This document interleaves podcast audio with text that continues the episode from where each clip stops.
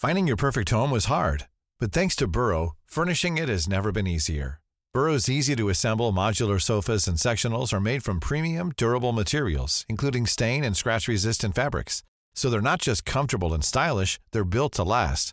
Plus, every single Burrow order ships free right to your door. Right now, get 15% off your first order at burrow.com slash ACAST. That's 15% off at burrow.com slash ACAST.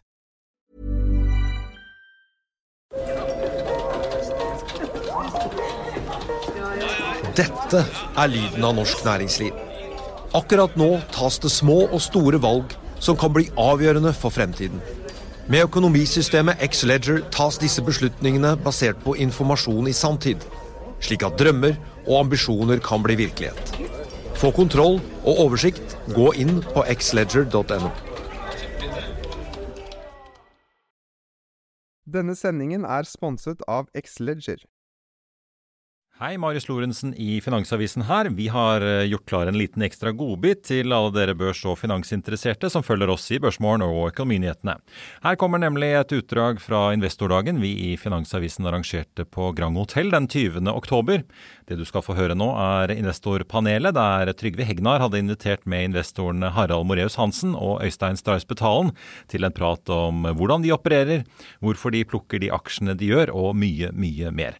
Og med det gir jeg ordet til Trygve.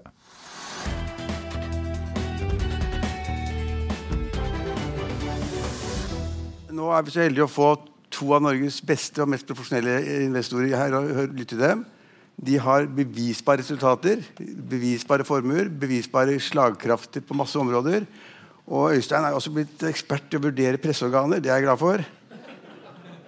Eh, Det er, det er sånn at Når de har disse resultatene bak seg, så er det liksom kanskje ikke så lett å få ut av dem hva de tenker og hva de har gjort. Eh, Øystein han deltok i børs-NM i 1986 i Kapital, og han vant. Så han er en meget gammel mann og har holdt på lenge. Eh, Men det, og da, det, er- litt synd at Kapital kommer ut hver 14. dag, så det er blitt mye bedre liv for Øystein etter at han kunne lese Finansavisen hver dag. Ja. Og eh, Harald er eh, har, jeg, jeg ser selvfølgelig ikke si det, og han burde heller ikke gjøre det. Jeg tror han tjente 800 millioner i fjor, og han tjener mer i år. Sitter alene og pusler med det. Eh, Det er ganske, det er ganske bra. Eh, Og da er det liksom spørsmålet hvordan kommer han dit? Hva gjør man? Eh, Og jeg bare først, tenkte å første spørsmål til deg, Harald. Jeg har inntrykk av, det er inntrykk av at du da på en måte ikke går og plukker aksjer eller sitter og driver enkeltselskaper, men du finner en bransje eller en sektor du vil være i. Eh, det var, du var i i shipping for noen år siden, og så var det, var det, det er ikke mer et par år siden du begynte å kjøpe containerskip, som var rakkeren. Da markedet var nede, så kjøpte de, og så kjøpte de. Jeg tror du sitter der ennå. Og så vet jeg nå da både du og Øystein da gikk voldsomt inn et år tilbake, et halvt år så gikk dere inn i energibransjen og olje og gass. Du, du skiftet. Eh, var det, skiftet du hele formuen, eller skiftet du alle investeringene? Eller liksom beholdt du shipping og gikk inn i energi? Eller hvordan opererer du? Ja, jeg har skiftet halvparten, tenker jeg. nå. Um, det er ikke så lett å få til sånn over natten. Men um, fordi mye av det jeg eier, er liksom, uh, tar tid å flytte på. Uh, så det er stål og ikke aksjer. Uh, mesteparten. Jeg har jo aksjer òg, det er ikke det. Men altså, hvordan jeg kom Kjøper helt skip altså istedenfor aksjer? jeg, har funnet ut at det, liksom, Hvis jeg eier en del stål, for å kalle det det, så, så blir jeg mer langsiktig. Det tar tid å flytte på, så blir jeg mindre påvirkelig for kortsiktig liksom, Om du vil ledere i Finansavisen, eller det måtte være CNBC på morgenkvisten og sånn. Em, så da liksom, er det lettere å holde seg ved roret, da. Eller ved masten, eller hva man vil. Ja, Er du da, er du har du det i containerflåten din fortsatt? Ja, no, Noe av den. Jeg har flyttet en del av uh, pengene. Det har jeg. Til energi? Ja, til energi. Hva, Men- var, hva var det før container? Før du havnet i container? Og, Ja, da var det energi da òg. Først var det energi, og så var det måte omvendt. Og så var det Så jeg pleide å, jeg pleide å Litt til det du spurte om, så tror jeg, når jeg ser tilbake, så tror jeg liksom at eh, når jeg stort sett har tjent penger, så har jeg investert i ting jeg føler jeg kan bedre enn de aller fleste andre. Eh, og så når jeg har tapt penger, så eh, ikke uten unntak, men det har stort sett vært når jeg liksom eh, ikke kan så mye om det, eller, eh, eller ikke får regnet på det selv, eller, sånt, eller må stole på andres regnestykker osv. Da, da synker liksom oddsene mer til 50-50, sånn føler man. Men det er ikke det, vet du. For da er jeg inne på et territorium som kanskje Øystein kan bedre enn meg. Så da er ikke oddsen 50-50. Når jeg liksom da er det kanskje egentlig tror jeg, mindre enn 40 sjanse for å lykkes. Og da jeg kan det godt, der tenker jeg at da har jeg i hvert fall 60 sjanse for å lykkes. Og det, de oddsene der over tid og Når jeg ser meg selv i speilet på, eh, på morgenkvisten, så har jeg skjønt at jeg etter hvert har levd en stund. Ingrid. Eh, ja, de oddsene over tid, over 30-40 år, de, de, slår ut på penger. Mm. Men du, du, var jo, du, var jo, da ren shipping først. Du var i Fearnley-systemet og du var direktør der og drev shipping. Så når begynte du egentlig som privat investor å liksom tenke liksom på din egen lommebok hele tiden? Det, ja, men, ja, altså jeg hadde jo mine første aksjer tror jeg, da jeg var 14-15 eh, år. et eller annet sånt. Uh, så liksom, jeg har jo, jeg har jo alltid liksom følt jeg investert uh, Jeg har bygget opp min egen kapital for å investere med å gå med avisen på morgenkvisten. og, og for et B-menneske som meg så er det ganske tøft. Så da må man stålsette seg. Øystein, du har, du da, jeg har sett, Alle tror at du bare plukker aksjer her og der, over og ut og inn og svinger deg på Grang og sånn, der vi er nå. Inn, ut, og, men er flink til å regne. Og, men nå har jeg sett litt på det siste året. Du har jo på en måte også skiftet sammen med Harald. Du gikk jo inn da i energisektoren og satset masse penger på det. Samtidig med at du beholdt en del av det grønne. Så var, Hvordan liksom var behandlingen av grønn kontra alt som hadde med olje og gass å gjøre? Eh, jeg sitter og hører på mange av de analytikerne som er her, og så sitter jeg og ser hva de tenker og tror. Hele aksjemarkedet er boom and bust. All teori i aksjemarkedet er boom og bust. Og det gjelder alt sammen å komme Alt er pengeflytt. Hvor går pengene inn, hvor går pengene ut? Hvor mer penger som er inne i en boble, hvor farligere er boblen? Hvor mindre penger som er i en boble, hvor mer interessant er boblen? For Du tjener kun penger i aksjemarkedet på at andre gjør feil. De kjøper aksjer for dyrt eller selger deg for billig. Og du kan holde på med langsiktige aksjer. Det har jeg ingen tro på. Jeg skal fortelle en Trygve. På 70-tallet, som min store helt, det var Trygve Hegnar Kapital. Fattern abonnerte på det bladet, og jeg begynte å lese det. Jeg leste aldri en bok før jeg var 25 år. Altså, Norsktimer på skolen var helt grusomme. Men Kapital det var ganske interessant å lese. Der var det mulig faktisk å tjene noe penger. Jeg jobbet da i et supermarked, og da tjente jeg 7 kroner og 50 øre i timen. Og så var det en artikkel der hvor Norsk Hydro at den var billig. Da var jeg 14 år gammel. Da tjente jeg 7,50 i timen. Så kjøpte jeg eh, fem aksjer i Hydro, og de steg 100 kroner. Da tjente jeg 514 kroner på de aksjene. Det var like mye som én måned i det supermarkedet.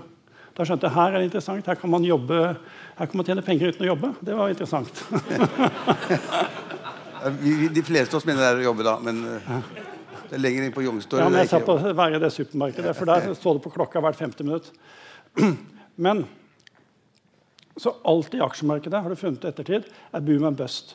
Så I 83 så startet egentlig aksjemarkedet for stort. Jeg husker I 81-82 så var dagsomsetningen på børsen 1-2 millioner kroner. Hele totalvolumet. I 83 så begynte aksjemarkedet å gå.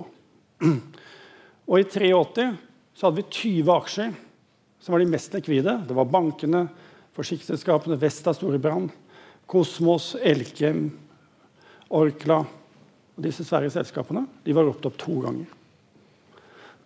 Den gangen sto OBX-en justert i 7. Eller 13 sto den i. 13. I dag står OBX-en i 1100 fra 83. Altså fra 13 til 1100. Men hvis man kjøpte disse, disse 20 aksjene i 15 av de mistet man alle pengene sine. de 30 årene. Alle pengene var vekk i bankene. Alle pengene gikk vekk i Storebrand. Av Storebrand gikk konk. vet du. Mm. Elkem gikk konk. Alt gikk konk, bortsett fra fem aksjer overlevde. Norske Skog gikk konk. Altså, bortsett fra fem aksjer. Så langsetet i aksjemarkedet det er et game til å tape alt. For i aksjemarkedet er allting forandring, forandring. Nytt, nytt hele kort, tiden. Kort, kort, kort. Under døra. Ja, det, nei, det er ikke det. Det er forandring. Du må være langsiktig i aksjemarkedet, men ikke i aksjen. aksjene. Noen aksjer kan du sitte på, men til slutt så blir alt sammen Remington skrivemaskiner. Det går i null til slutt. Teknologien tar det. Men, men, men når, når, du, du, har jo mange aksjer, Øystein, og, og, vi skriver om det i Finansavisen, og andre skriver om det også. Og, så jeg tenker liksom, når du, kommer, du, du har en portefølje, kanskje være fem aksjer eller 20 aksjer. Jeg tipper at det ikke er så veldig mange, men du er, du håndterer hele tiden. Men kommer du på jobb, hvordan får du innskytelsen at nei, det jeg kjøpte i går, det selger jeg nå? Hva er, hva er refleksen? Jeg tror én ting. Alt er forandring. Ja. Altså, du har en forutsetning når du kjøper en ting. Hvis forutsetningen endres, da kjøper du mer eller selger. På de tingene du har fra dag til dag-basis, av renteinstrumenter, fra valuta til de tradingaksjene sånn og sånn, så har du de tingene. Men så er det noen langsiktige ting. Det er langsiktige tingene du tjener de store pengene på. Og det er forandring i samfunnet, forandring i etterspørselssiden, forandring i verdsetting av aksjer. Hvorfor skal en aksje verdsettes eh, annerledes? Og aksjer verdsettes annerledes hovedsakelig av én ting endring i inntjening. Hvis inntjening på en aksje endres, da endres også kursen. Eller synet på en aksje. Altså For et år siden hadde vi en helt vanvittig verdsetting av noen av disse grønne aksjene. Altså, det var en verdsetting som jeg fikk fra analytikeren var helt vill. Hvis du tok Scatec Solar, så er Scatec Solar, som har, sol, som har solpanelinstallasjoner, de har en forrentning på totalkapitalen sin investerer på 3-4% Og Kursen gikk da ti ganger bokført, slik at forrentningen som du kjøpte på, var under en halv prosent på topp. Ja. Halv prosent, og så lånte de penger til åtte. Altså du låner penger på åtte, og så får en, en halv prosent inn. Da må du gå i null. Ja. Og da så jeg Analytikere som jeg spurte, de skjønte, selv de skjønte ikke det. Ja, men Du låner på åtte og investerer på en halv. Da må du gå i null. Så den aksjen går i null. Ja. Jeg, jeg, vet at du tenkte akkurat i de baner, for jeg noterte meg, notert meg litt greier for et år siden. Så, så var det Olaisen i ABG. Ja. Han anbefalte da Aker Horizon med kursmål 60. Du shortet aksjen. Ja, jeg sendte en mail til ham, så tusen takk for den. for jeg ja. da 1,5 millioner aksjer. har befalt å selge Equinor på 173. Du gikk long. Olaisen anbefalte å kjøpe Scatec på 218. Du gikk short. Ja. Altså, du, er det noe spesielt med Olaisen eller ABG? Eller? Ja, men, ja, men én ting må huske på. Analytikere de er like De er ute etter én side av saken, for de er selgere. Og hvis, Hvor mer skrot de kan selge, hvor mer kommisjoner får de. altså, de er akkurat, altså, Analytikere de er akkurat som en journalist i Aftenposten eller DN. De skal selge sin politiske idé. Og hva som er fakta eller ikke, det surer sammen sjøl. Og så selger de dette, og så tror de folk tror på det. Det er journalister, fordi De klarer ikke å få ut den røde sosialisttanken i huet sitt, så de må selge et feil budskap. Så, så Det første rådet jeg gir deg, slutt å lese de avisene, for du blir skrudd i huet av det. Ja, for du...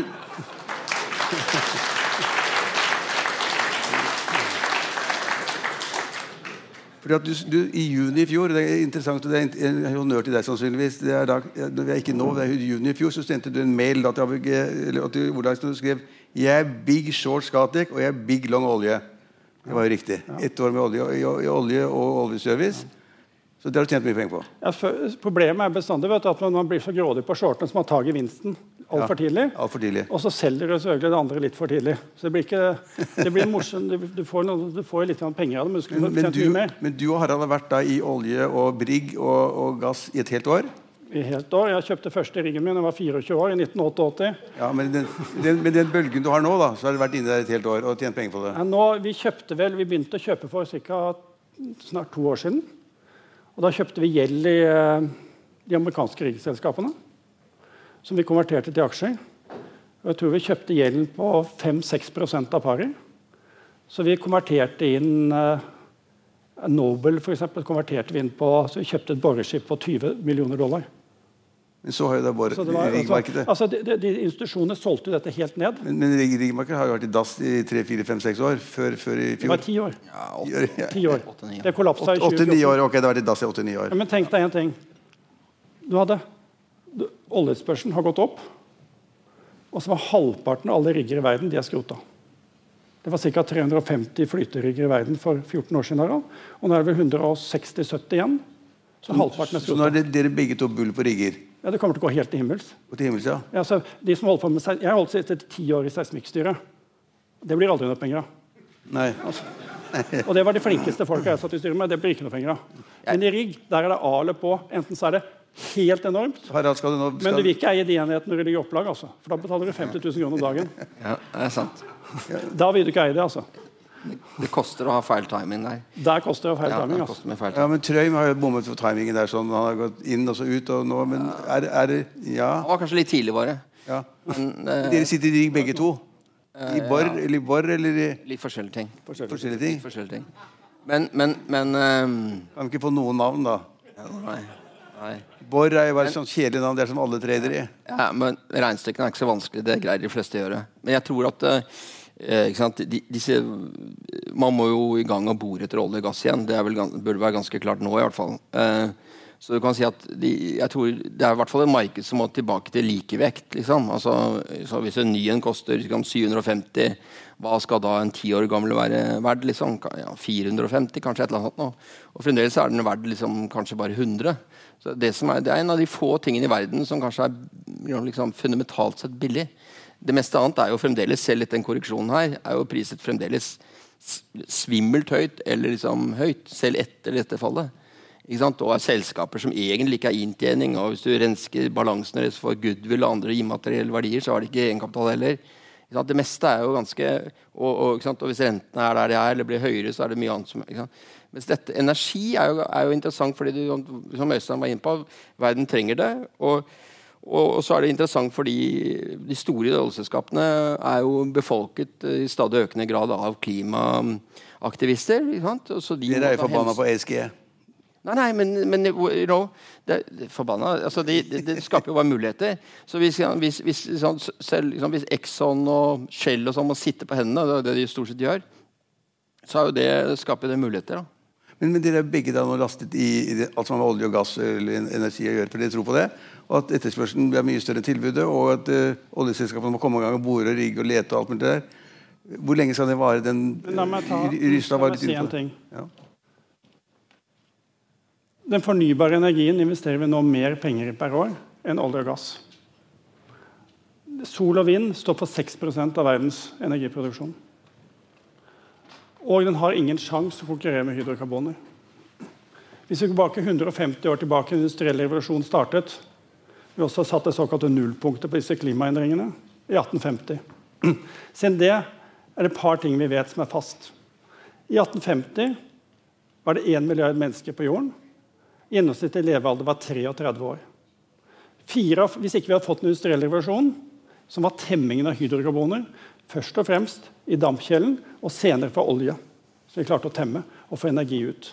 Én liter med olje samme, inneholder samme energi som 1800 mannetimer med arbeidskraft. Altså ett årsverk med arbeidskraft. Én liter med olje. Energimengden i olje er så enorm. Og Hvis ikke det hadde vært for den, industri den industrielle versjonen som er basert på hydrokarboner så hadde, vært, så hadde fire av fem av de satt i salen her vært oppe i Telemark eller Oppdal og sittet og tatt inn det siste høyet i det agrikulturske samfunnet på jordene. For fire av fem jobbet i agrikultursamfunnet for 150 år siden. Men hva har vi i dag? Vi har 1 grad høyere temperatur. Og vi har 7 milliarder mennesker på jorden. Nesten ingen legger seg sultne. Og gjennomsnittlig levealder har steget fra 33 til 73 år.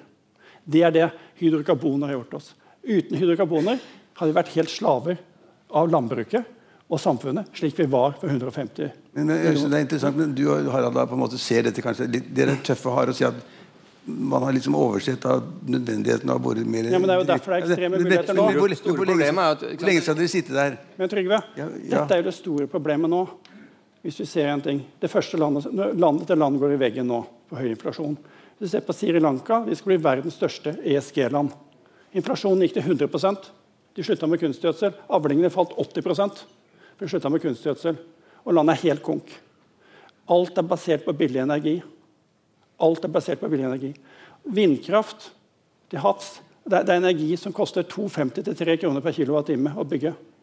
Det er vedlikeholdskostnader som er helt umulig. Det er det Norge skal satse på, ifølge Gahr Støre.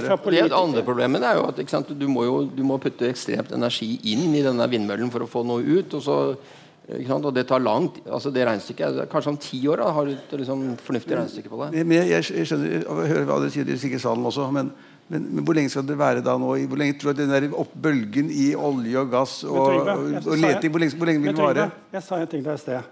Hva tjener du penger på i aksjemarkedet? når andre gjør feil. Her har folk feilinvestert i den dumme fornybare energien. Mm. Da er det jo kjempemulighet å investere i olje, som ikke er investert i. For det er ingen som har investert der. Så det er underinvestert der nå i ti år. Ja, Det viste også Rystad i sine grafer. også. Ja. Men han har bomma på oljepris hele tida hvis du går tilbake. Så det er bare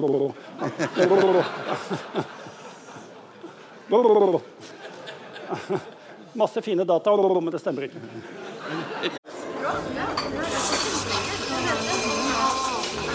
Dette er lyden av norsk næringsliv. Akkurat nå tas det små og store valg som kan bli avgjørende for fremtiden. Med økonomisystemet X-Leger tas disse beslutningene basert på informasjon i samtid, slik at drømmer og ambisjoner kan bli virkelighet. Få kontroll og oversikt, gå inn på xledger.no. Denne episoden er sponset av van Brun, en fremtredende smykkeforhandler kjent for sitt brede utvalg av forlovelsesringer, gifteringer og diamantsmykker som bæres og elskes i generasjoner. Et frieri er en av de største øyeblikkene i livet, hvor forlovelsesringen er et tidløst symbol på kjærligheten. Valg av ring krever omtanke for både hvilket metall og diamant. Med et bredt spekter av både naturlige og labdyrkede diamanter, og metaller som platina, gult gull, hvitt gull og roségull, hjelper de deg med å sette et personlig preg på din kjærlighetshistorie. Van Brun vil gjerne invitere deg til å prøve på tre av dine favorittringer fra nettsiden helt kostnadsfritt. Du kan også låne et bredt spekter av frieriringer, slik at du og din forlovede kan velge en ring sammen etter det store ja. Van Brun tilbyr 90 dagers åpent kjøp og 90 dagers gratis størrelsesjustering. Utforsk deres eksklusive sortiment i luksuriøse omgivelser. Book en konsultasjon sammen med en diamantekspert i deres showroom i Oslo. Eller online på vanbrun.com. V-a-n-b-r-u-u-n.com.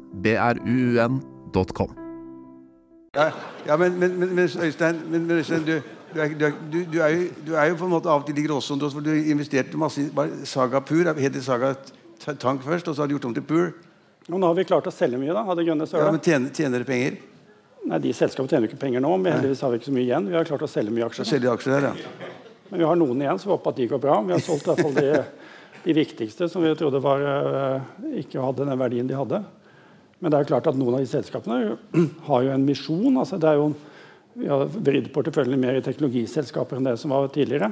Men investere i vindmøller og solceller og sånn. Hvis du har lyst til å tappe pengene, så er det bare penger inn der. Jeg satt ja. fem år i rekk jeg i styret. Hvis du har lyst til å tappe penger, så bare sitte der. De der, Bergen, de der Bergen Karbon, hva var det for noe? Ja, det er en hokus pokus-metode. Vi skal lage noe billig nano, nanofibre. Det kan sikkert fungere. Jeg vet ikke, jeg sitter ikke i styret. Men, ja, men, men du var inni der? Jeg har masse aksjer fortsatt, jeg. Jeg håper det fungerer. Det er litt, det er litt grønt håp allikevel, da? Ja, ja, men det er klart. Dette er jo nanofiber. Da. Det er et sånt stoff du bruker til å tilsette til plast og stål for, for å få harde metaller. Så det er jo det er en ren commodity du produserer. Du produserer et, et, et stoff. Ja. Det er jo ikke noe med grønt å gjøre. Det er en produksjonsmiddel du bruker til å sette til eh, alt fra sålene dine for få myke såler og til eh, bilene dine for å få bedre eh, holdbarhet i plastdelen i bilene dine. Så det er en annen det er, det er en materialprodusent. Kom bare litt tilbake til Harald som er shippingmannen. Altså, det er mange som er shippingmannen. Du er, du er shippingmannen. Har du da andre noen investeringer av betydning altså, ut, utover da eh, containerskipene og nå olje og gass og rigger? Ja, jeg, er du i eiendom? Uh, ja, det har jeg.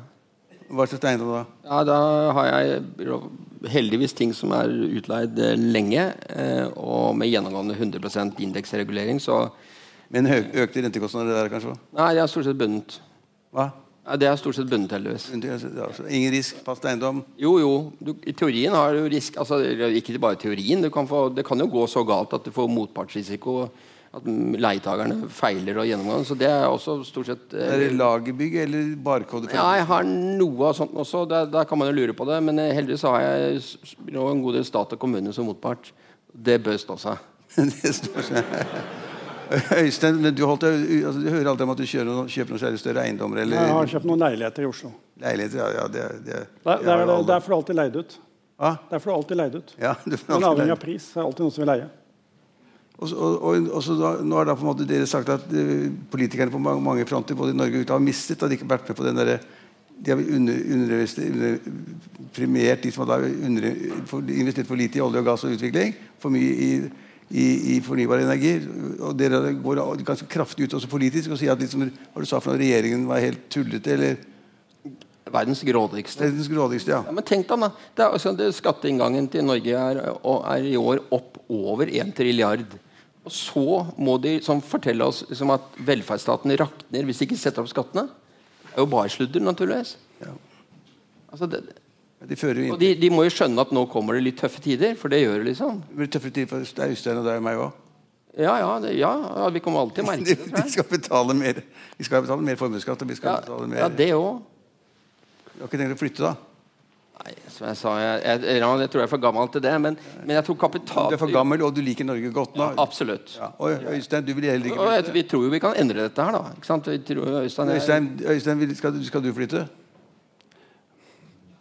Hvis du våkner opp nede i Sveits, hva skal du gjøre den dagen? ja. Jeg, jeg, jeg, husker du sa jeg husker du sa en gang 'Hva skal jeg gjøre på et jorde i Belgia?' Sa den sånn, ja, det er enda verre. Enda verre. Det er verre.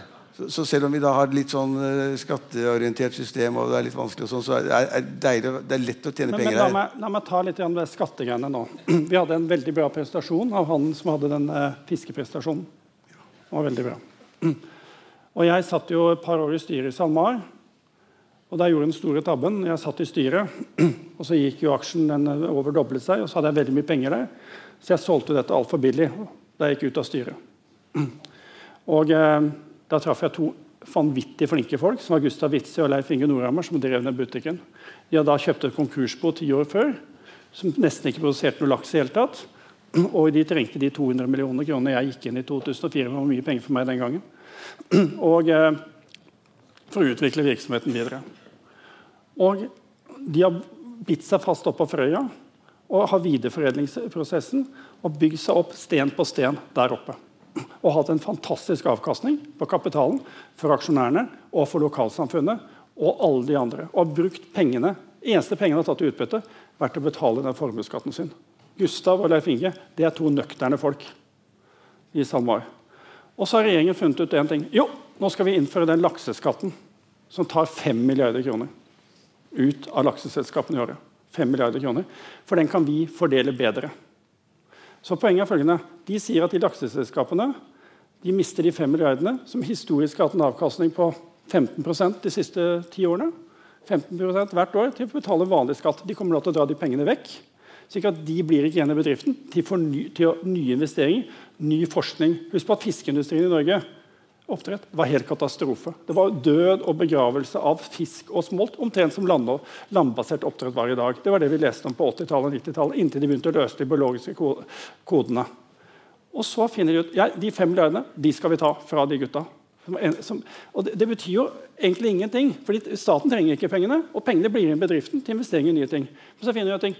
Nei, nå skal vi satse på batterifabrikker. Det er det vi skal satse på. Vi skal bygge batterifabrikk i Norge i konkurranse med Panasonic, med LG, med kinesere, med tyske Varta. Der skal vi har vi kompetanse til å bygge batterifabrikker i Norge. Noe vi har null kompetanse på. At det er med 99,9% sannsynlighet at det går helt konk. Ja.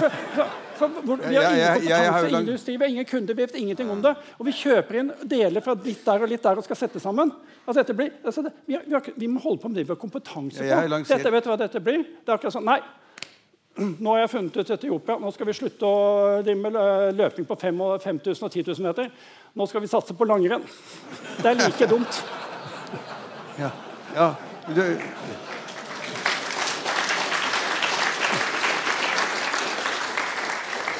Øystein har jo rett i det, for staten har da gått inn da, den første batterifabrikken i Arendal, Morrow, eller hva det heter, hvor de skal finansiere da 54 av de første investeringene. Staten tar jo all risiko. da, vet du, Øystein.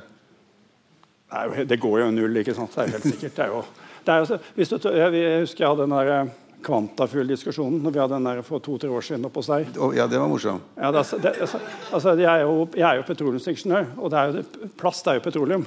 Så jeg sa dette er helt umulig å få til. Altså, Ut fra vanlig elektrolyse og kjemien i dette her. For det er jo petroleumsprodukter det er helt umulig å få til. Det samme sier han de batterigreiene. De skulle, samle, de skulle samle inn plastposer og så lage ja, olje av det? Det nytter ikke. Du skal smelte noe plast og få ut noe sånt stoff. Det går ikke. Sånn hokus pokus-maskin. Men dette er det samme. Vi har ikke noen forutsetning for batterifabrikker, men vi har forutsetning for laksenæringen. Der har vi omsenkt på 100 milliarder kroner i eksport hvert år. Vi har bygd opp noe som var helt naturstridig at vi skulle få opp. Og når de gutta lykkes, da skal vi ta penga fra dem. Gustav Witzøe i dag, med formuesskatten hvis han tjener én krone, så betaler han 85 øre skatt. Da bør vi kanskje flytte han, da? Ja, men, Det hjelper ikke, det. det, det Gustav er ikke interessert i å flytte. Han vil jo være der oppe. Han er jo en gammel mann nå. han vil sitte der oppe. Men tenk deg, han har bygget opp dette her. Også, hvis han tjener én krone, så skal Støre få 85 de ørene og så surre bort på noe tull og tøys på batterifabrikker. Det er jo helt galskap. Det, det, er, det er så trist for Norge, for det ødelegger så mye. Det er, det er ikke personene som har problemet med å flytte, det er kapitalen som kommer til å flytte.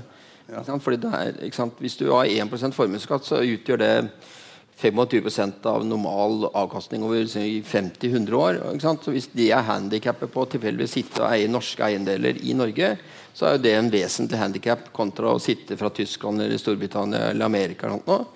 Og Så mye smartere er vi vel ikke enn de, så da, ikke sant? da vil jo kapitalen bare flytte seg. Det, og det er jo ikke et problem liksom nå i Norge, for nå har man da sant, disse helt ubegripelig svære formuene. Det renner inn trilliarder hvert år. Men, men, det er jo sånn, det er likevel litt vemodig. Det er liksom eh, For oss som er, liksom, husker 80-tallet, sånn, så var det jo liksom privatisering og rasjonalisering. og, og prøve å sette ned skattene litt. Altså, nå, er, nå, tror politikerne at de kan styre bedrifter bedre enn en, uh, eierne i SAMAR. Og de, de, og de, gjør om på reglene og flytter målstolpene. Og, uh, og bare vent til neste næringen som har veldig høy lønnsomhet, så får de sikkert en eller annen sånn Ekstra skatt, grunnskatt. Ekstra grunnskatt de også for et eller annet. ikke sant? Det, det, Skal vi gi opp, da? Skal vi gi opp, eller? Nei, nei, nei. Men det, er, men det, er, vanskelig å regne på ting når det blir på den måten. Mm. Nei, altså, Vi må bare endre systemet. Vi må få tilbake litt der det kom fra. Det, liksom, sånn at det blir litt sånn uh, Litt mer uh, stabilt. Mindre Ap og Senterpartiet og mer Høyre? Og... Rett og slett. Ja. Problemet man er opptatt av Forskjells-Norge. Da er det om å gjøre ikke få de som er der nede, og få de opp. ved å øke altså Tenk deg en vanlig middelklassefamilie i dag som, to, som, har to studenter som skal flytte til Oslo. Som skal leie hus eller leilighet og bo i Oslo og betale 10 000-15 kroner i måneden. De klarer ikke å bygge studentboliger til dem engang. Altså, det, det bygges ikke studentboliger. Folk må jo ut på leiemarkedet og kommer til Trondheim og Bergen og Oslo og betale helt himla summer for å få et sted å bo. Det klarer du ikke. Det er jo det som må gjøre, det er å få de der nede opp, og få de flest mulig får muligheten. Som, alle, som, mange andre får. Det er jo derfor forskjellene er store. Fordi på bånn kommer ikke opp. Det er ikke å ta de på toppen. Den 1% på toppen hjelper ikke. Og så er en ting de må huske de politikerne og eh, de som snakker om den der, eh, ta de rike og alt dette her. De 10% rikeste i Norge de betaler nesten 50% av altså privat skatt i Norge. Nesten 50% Så hvis de 10% stikker, da må de andre betale dobbelt så mye skatt. Ja, men ok, Skal vi gå litt tilbake til investeringer igjen? Eh, hva, hva, hva, hva Harald, i, i ett selskap da, én investering som du tror på som er et riktig sted å være, og som ikke nødvendigvis tjener penger på neste uke eller en måned, men litt over tid? Ja, ja, ja det, men, men jeg, den eh, Hørte du Hørtes ut som Nei, men altså Ja, nei.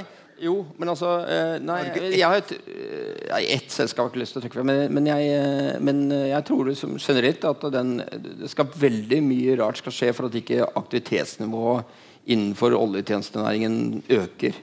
Hvis man tror at den øker, og, og, som, og det tar tid å endre på en måte tilbudssiden, så bør jo markedsbetingelsene bedres. Det er tror jeg, en enkel analyse. Mente du, mente du nå å si Borr?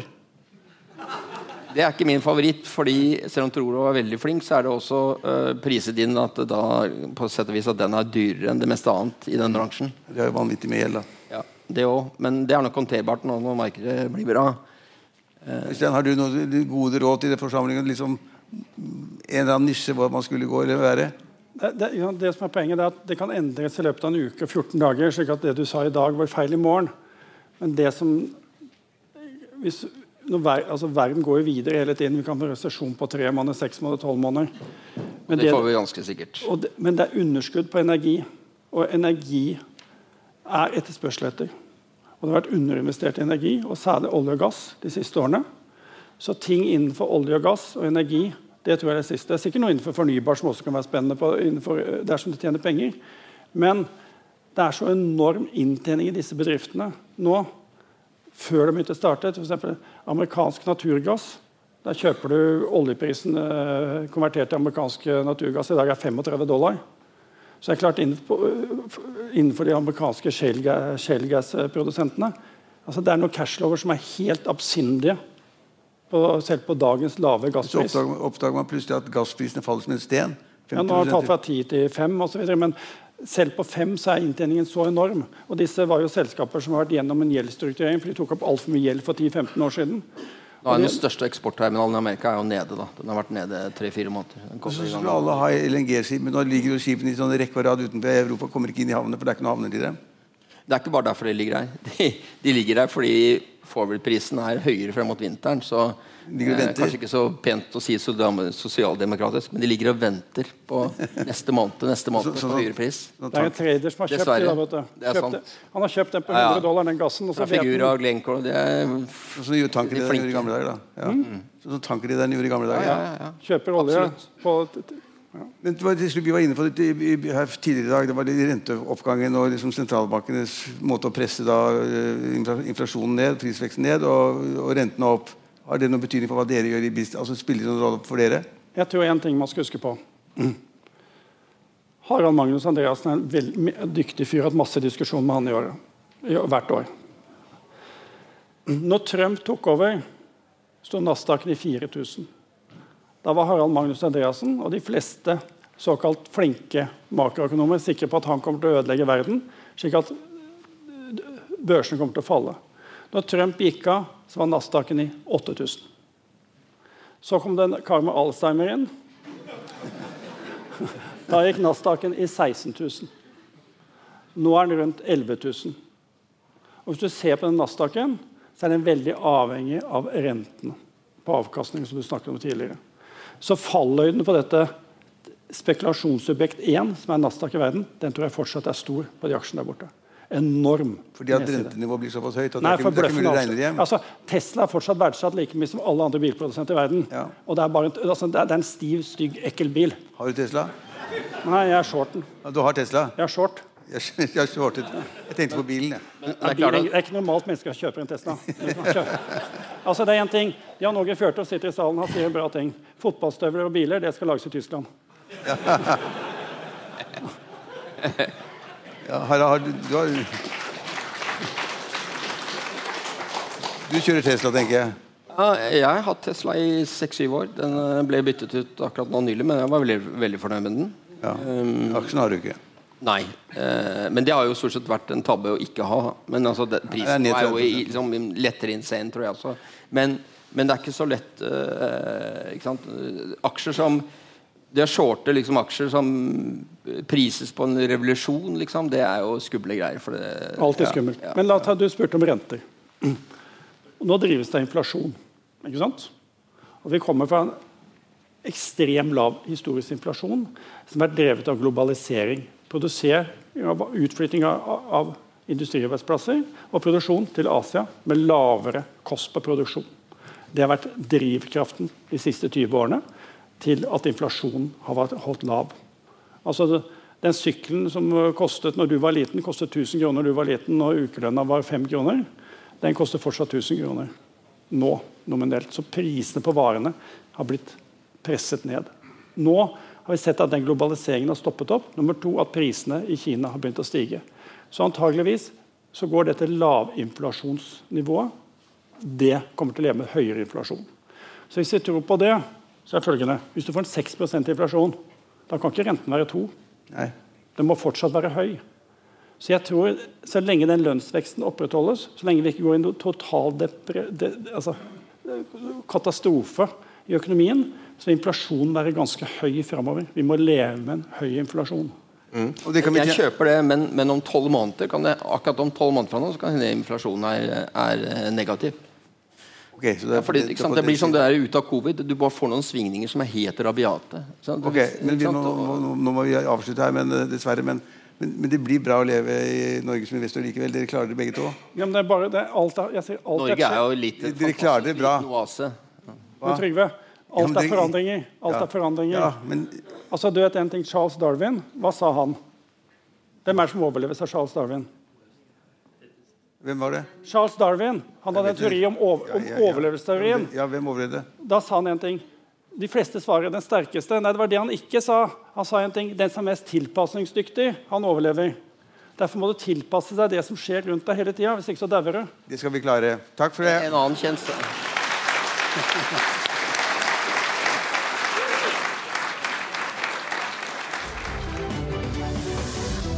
Og det var det vi hadde for deg i denne omgang. Husk å abonnere på Økonominyhetene og Børsmorgen der du hører på podkast. Så sørger vi for at du hver eneste dag holder deg oppdatert på hva som skjer i markedet og i økonomiens verden. Og at du får en rekke interessante gjesteintervjuer. Takk for følget så langt. Vi høres. Denne sendingen er sponset av Xleger. Økonominyhetene er en podkast og videoproduksjon fra Finansavisen. Programleder er Marius Lorentzen. Aksjekommentator er Karl Johan Molnes. Produsent er Bashar Johar. Podkast- og videoansvarlig er Marius Mørk Larsen. Og ansvarlig redaktør er Trygve Hegnar.